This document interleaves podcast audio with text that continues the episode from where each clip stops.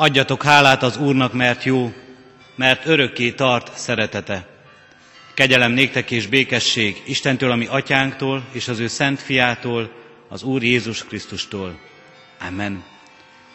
Kedves testvéreim, hálaadó ünneplő gyülekezet, Isten tiszteletünket Zsoltár énekléssel kezdjük. A 65. Zsoltárunkat énekeljük, annak első három versét. Az első verset fennállva, a második, harmadik verseket pedig helyünket elfoglalva. A 65. Zsoltárunk első verse így kezdődik, a Sionnak hegyén, Úristen, tied a dicséret.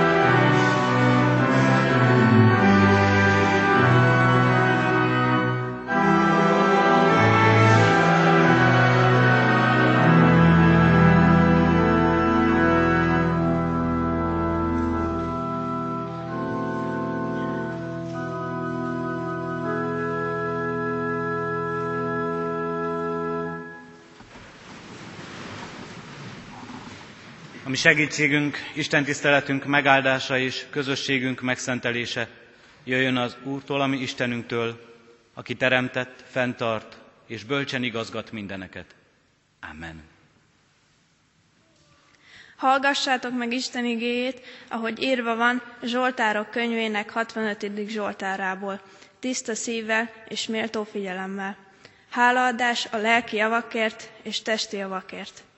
Téged illet a dicséret, ó Isten a Sionon, neked teljesítik a fogadalmakat, te hallgatod meg az imádságot, hozzád fordul minden ember. Erőt vettek rajtunk a bűnök, de te megbocsátod vétkeinket. Boldog, akit választasz, és közeledbe engedsz, hogy udvaraidban lakozzék, hadd teljünk be házad javaival, templomot szentségével. Félelmet keltve, de igazságosan válaszolsz nekünk, szabadújtó Istenünk.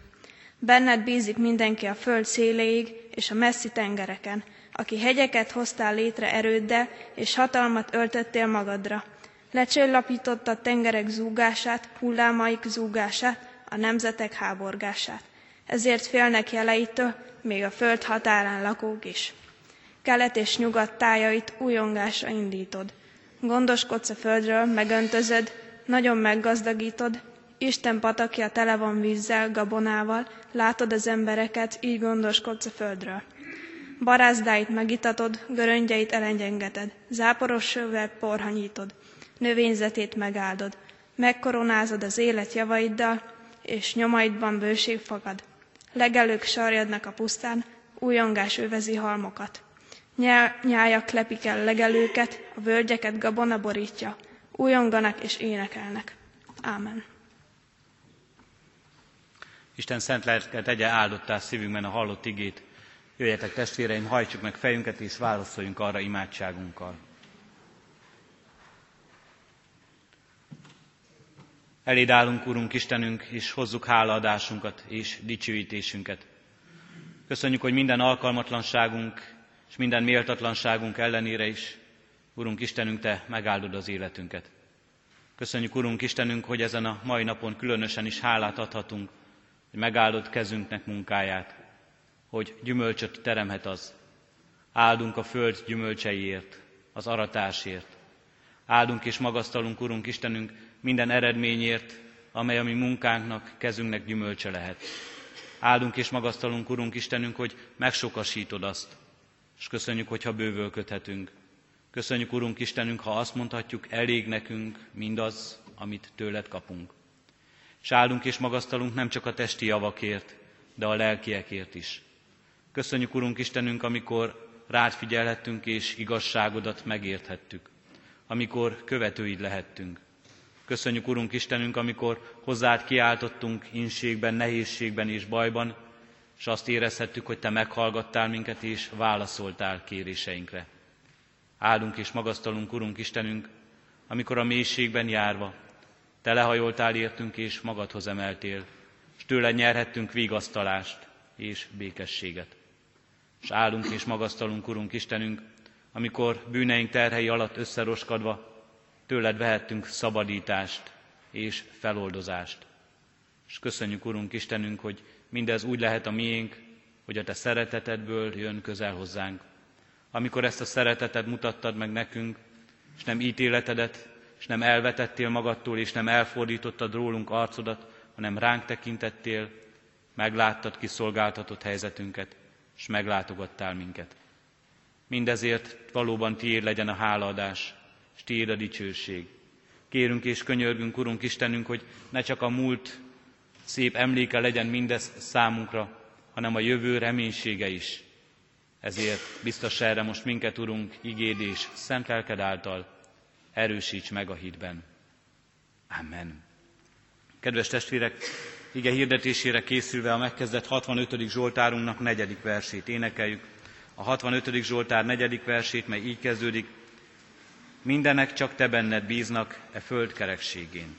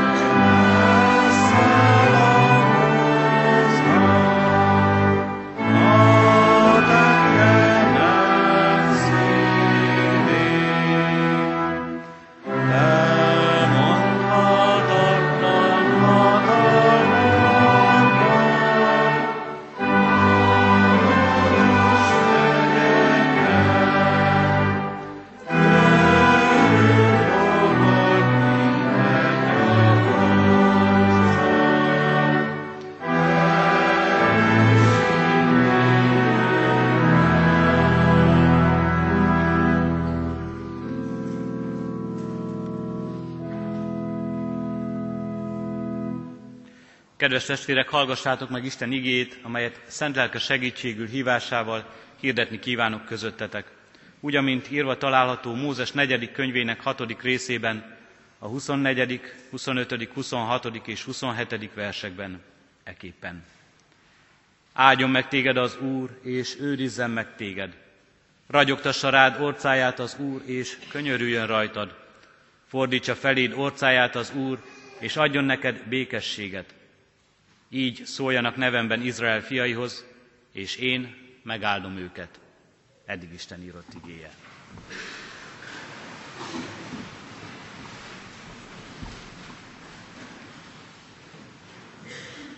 Kedves testvérek, ünneplő hálaadó gyülekezet, a felolvasott igerész református bibliolvasó kalauzunk szerint a mai napra rendelt ószövetségi igerészünkből hangzik hozzánk, szól hozzánk, de hát egy jól ismert ige van előttünk. Jól ismert ige, amelyet leginkább és leggyakrabban mindig az Isten tiszteletek végén hallunk, és Ároni áldás néven ismerünk. Nem is tudom, hogy hallottam-e én valaha erről az igéről prédikációt, vagy hallottam-e így felolvasni a templomban, de mégis jól ismerjük ezt az igét mindannyian, még ha nem is prédikációként, textusként hallottuk ezt az igét, mert hogy olyan sokat halljuk áldásként, szinte kívülről tudjuk mi magunk is elmondani. Eredetileg Isten Mózes testvérének, Áronnak parancsolta meg, hogy az Ószövetségi Isten tiszteleten mondja el ezt a szép áldást a népnek, de azután átvette ezt az új szövetség népe is, és megmaradt a reformáció egyházaiban is, mind a mai napig. Beépült a liturgiánkba, majd hogy nem azt mondhatnánk, szinte kötelező elem. És az a furcsa, hogyha sok helyen nem ez, a háldá, nem ez az áldás hangzik el. De először is, mi is az áldás? Mi az áldás lényege? Mit mondunk és mit kívánunk akkor, amikor áldást mondunk? Amikor például így köszönünk el egymástól, hogy Isten áldjon meg. Bár ma már talán keveset használjuk ezt a köszönést, de mégis jól és ismerősen cseng a fülünkben. Vagy amikor a mi református köszönésünket halljuk, áldás, békesség. Sokszor mondjuk, sokszor halljuk ezt itt a városban is, sokszor meglepően olyan emberektől is, akiket talán nem úgy ismerünk, mint akik közel járnak az Isten házához. Mit mondunk, mit kívánunk, amikor az Isten áldását kívánjuk, amikor az áldás békességgel köszönünk egymásnak, az áldásra helyezzük a hangsúlyt. A Biblia tanítása szerint az áldás minden testi és lelki jónak az összessége, amit Isten az embernek csak adhat. A forrása, a maga az Isten. Mi ezt csak kívánhatjuk egymásnak, hogy Isten áldja meg az életünket, mi csak kérhetjük az áldást a magunk számára és, a má- és mások számára, a szeretteink számára és a gyülekezet számára, de az áldást valójában mindig Isten adja. Más az áldás, és ebből adódik, ebből látjuk, más, mint egyszerűen csupán valami jó dolog, amely az életünkbe kerül. Más, mint a siker, és más, mint az eredményesség. Vagyis nem is más, hanem több, mint a siker. Több, mint az eredményesség. Az áldás olyan többlet, amit nem tudunk megszerezni magunknak, de amit elkérhetünk Istentől. Az áldás az, amit nem tudunk megszerezni, akárhoz, akárhogy megfeszítjük erőnket, nem lesz az a miénk, de elég hozzá egyszerűen csak kinyújtani a kezünket, megmutatni Istennek az üres tenyerünket, az üres életünket, és ha kérjük ezt az áldást, Isten megtöltheti ezt, megtöltheti az életünket. Kedves testvérek, most a hálaadásban, amikor itt együtt vagyunk, Istennek erre az áldására tekintünk, és Istennek erre az áldására gondolunk, amikor az aratásért adunk hálát, a gyümölcs termésért, de az aratásban adunk hálát mindazért, amit Isten így adott nekünk az életünkben. Adott az elmúlt esztendőben, adott eddigi életutunkon.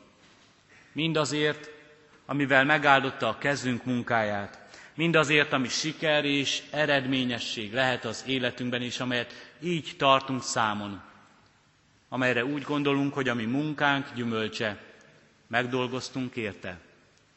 És mindazért, amit ebben többletként ott látunk, az Isten munkájaként. Mindazért, amire úgy gondolunk, hogy bár dolgoztunk sokat, de Isten még többet adott, még nagyobb lett annak az eredménye. Mindazért, amiért meg sem tudunk dolgozni, lelki javakért, amelyeket valóban csak ő adhat meg nekünk. És mindazért, amire úgy gondolunk és úgy emlékezünk majd, bűnbánattal is, hogy bár dolgoztunk, de mégis meg nem érdemelt módon lett a miénk. Mondhatjuk, az életünk része gazdagít minket, gazdaggá tesz testi javakban, anyagi javakban, gazdaggá tesz lelkiekben, és gazdaggá tesz a közösség által, amelynek tagjai és részei vagyunk. Isten így adja az áldást az életünkben. Nem a mi kezünknek, munkájának gyümölcse az. Nem azt jelenti csupán, hogy megdolgoztunk érte, sokkal több, sokkal gazdagabb ez az ajándék, amely a miénk lehet. Ez az áldás, amelyet itt most felolvastunk, amely az Ároni áldást néven ismert, kezdettől fogva az Isten tiszteletek szerves része volt. Nem csak ez az áldás ismert, azonban sok más áldás is van. Sok más áldás, és nem csak a lelkipásztor, nem csak Áron fiai osztották az áldást, hanem az áldás sokszor éppen a családfő mondta a gyermekeire. Ő kívánta a családjára. Más helyen arról olvasunk, hogy a király mondott áldást az ő népére, és kérte Isten segítségét. Sokszor, amikor az áldásra gondolt az ókori ember is, Isten népe is arra gondolt, hogy majd Istentől gyermekeket kap, megkapja a jószág szaporulatát. Bőséges termésre gondolt az ember. Arra, hogy amit elkezd, azt be is tudja fejezni, arra, hogy sikeres lesz az útja, hogy eredményes lesz az életben. Valóban gondolt ez, a, ez az ember is a gyarapodásra, a hosszú életre, a tisztes öregkorra, mert bele is gondolható ez az áldásba. Benne van mindez az áldásban. De benne van ettől több is.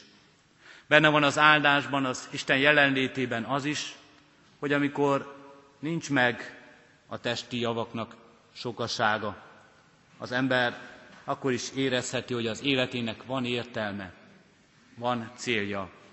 Amikor nincs meg a bőséges termés, amikor nem kíséri az útját sikerek sokasága, amikor nem látja maga előtt a hosszú és tisztes életutat, amikor nem látja magá előtt a reménységét a békességnek, akkor is, akkor is Isten megadhatja azt a pluszt, amivel az ember élete mégis értelmet nyer, és célba találhat.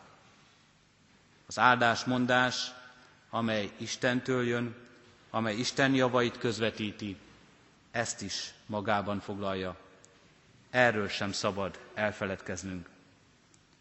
Itt van előttünk most ez az áldás, amelyet jól ismerünk, mely nagyon kedves a szívünknek, mely három egymást követő mondatból áll, három jó kívánságból, és mind a háromnak két része van.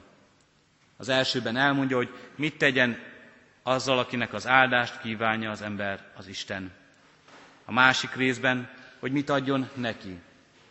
Egy ilyen iker kérés háromszor egymás után. Az eredeti nyelvben, az eredeti Héber szövegben mind, mind a három mondat elején Isten szent neve, a Jahve név áll. Nagyon szép így az eredetiben látni, ahogyan Istenből indul ki, és Isten a forrása mindeznek. Mert ez nem csak a szépség miatt van, hanem ezzel is ki akarja fejezni a Szentíró Isten elsőbségét, és azt, hogy Isten a forrása az áldásnak. Mit akar adni Isten az ő népének? Az első így hangzik, áldjon meg téged az Úr, és őrizzen meg téged. Áldjon meg téged az Úr. Ez a legáltalánosabb, legtágabb formája ennek a jó kívánságnak, melyről eddig is beszéltünk, de mindjárt szűkíti és konkretizálja is a Szentíró, hogy Istennek ebben az áldásában jelenjen meg az, hogy Isten meg is őriz minket. Őrizzen meg az Isten titeket. Gondoljunk arra, hogy ez az áldás, amikor Áron először ezt elmondta, akkor egy vándorló nép tagjaihoz szólt. Olyan emberekhez, akik a pusztában vándoroltak. Olyan emberekhez, akik valóban, mint egy junyáj, egyik helyről a másik helyre mentek. És a pusztai vándorlás során nagyon sok veszély leselkedett rájuk. Talán ott volt a veszélye, hogy eltévednek. Ott volt a veszélye, hogy rablók támadnak rájuk. Ott volt a veszélye annak valóban, hogy nem lesz mit enniük és inniuk, nem lesz elég az anyagi javakból. Azt kéri ebben az áldásban a Szentíró, hogy mint egy pásztor őrizze az ő nyáját az Isten. Ismerjük jól ezt a képet. Ismerjük a pásztor és a nyúnyáj képét, melyet Isten az ő szentírásában újra és újra elénk hoz. Ott van előttünk a Zsoltárokban, és ott van előttünk Krisztus szavaiban, én vagyok a jó pásztor. Azt kéri ebben az áldásban az ember az Istentől, hogy ő, aki segítségre szorul, ő, aki vezetésre szorul, ő, aki arra szorul, hogy támogatást, védelmet kapjon valakitől, mert nagyon kiszolgáltatott az élete, ezt mind-mind megkapja az Istentől. Ezt kérjük, és az áldásban ezt ígéri az Isten. Ő lesz a mi pásztorunk, ő lesz a mi őrzőnk, ő lesz a mi védelmezőnk, erős várunk. A második mondat így hangzik. Ragyogtassa rád orcáját az Úr, és könyörüljön rajtad. Milyen furcsa szó itt ez az orca. Pedig ezt nem is a Károli fordításból olvastam, hanem az új fordítás szerint. Még az új fordítás is megőrizte ezt, de a fiataloknak hittanórán gyakran el kell magyarázni, hogy ezt az arcot jelenti. Sokan a gyermekek közül már meg sem értik ezt a szót. Talán azért maradt itt az új fordításban is, hogy még ünnepélyesebb legyen az áldás szövege. Mert az áldás az egy ünnepi dolog, az egy jeles alkalom az életünkben. Ha áldást mondunk, ha áldást kívánunk valakinek, ha áldást kapunk, az ünnep az életünkben. Ragyogtassa rád orcáját az Úr. Ott van ebben, hogy Istent valamilyen emberi tulajdonságokkal ruházza fel a Szentíró. Mintha úgy néznek ki, mint egy ember. Nem itt fordul ez először elő. Nem itt fordul ez elő egyedül a Szentírásban. Beszélünk arról, hogy Isten gyorsan fut valahova, oda ér valahova, mintha menne, mintha ember lenne. Hogy erős karjával véd, mintha valóban nagyon erős kezei lennének az Istennek. Jól tudjuk, nem így véd az Isten, és jól tudjuk, nem így tekint ránk az Isten emberi arcokkal, de mégis valahol ott van ebben a szövegben, ott van ebben az utalásban az is, hogy mi emberek valahol az Isten képére és hasonlatosságára teremtettünk. Nem az arcunkkal, de azzal, hogy Istennel közösségben vagyunk. Amikor azt mondja ez az írás, azt mondja ez az ige nekünk, hogy ragyogtassa rád orcáját az Úr, akkor erről a közösségről beszél.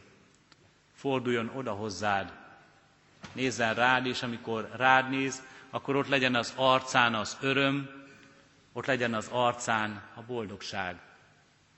Miért? Azért, mert ismer minket. Azért, mert a barátai vagyunk, azért, mert kedvesek vagyunk neki. Az a kép legyen előttünk, amikor két ember találkozik, és akkor azt szoktuk mondani, hogy szinte csillog a szemük az örömtől, amikor meglátják egymást, amikor felismerik a másikban a barátot, a szeretett kedvest, a régió ismerőst. Ragyogtassa rád orcáját az Úr. A mi nyelvünkön talán így adható ez vissza. Csillog a szeme az örömtől, amikor ránk tekint.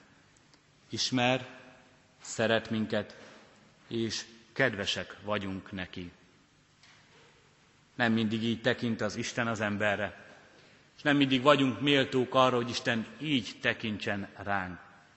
Isten sokszor haragos, haragos a tekintete, haragos a szeme, amikor az ember összerezzen, mert azt érzi, hogy ebben valami ítélet lesz, ebben valami elutasítás lesz. És a nagy ítélet az emberen az, amikor Isten nem odafordul hozzá, hanem amikor Isten elfordul az embertől, elfordítja tekintetét, nem néz rá, nem vesz róla tudomást.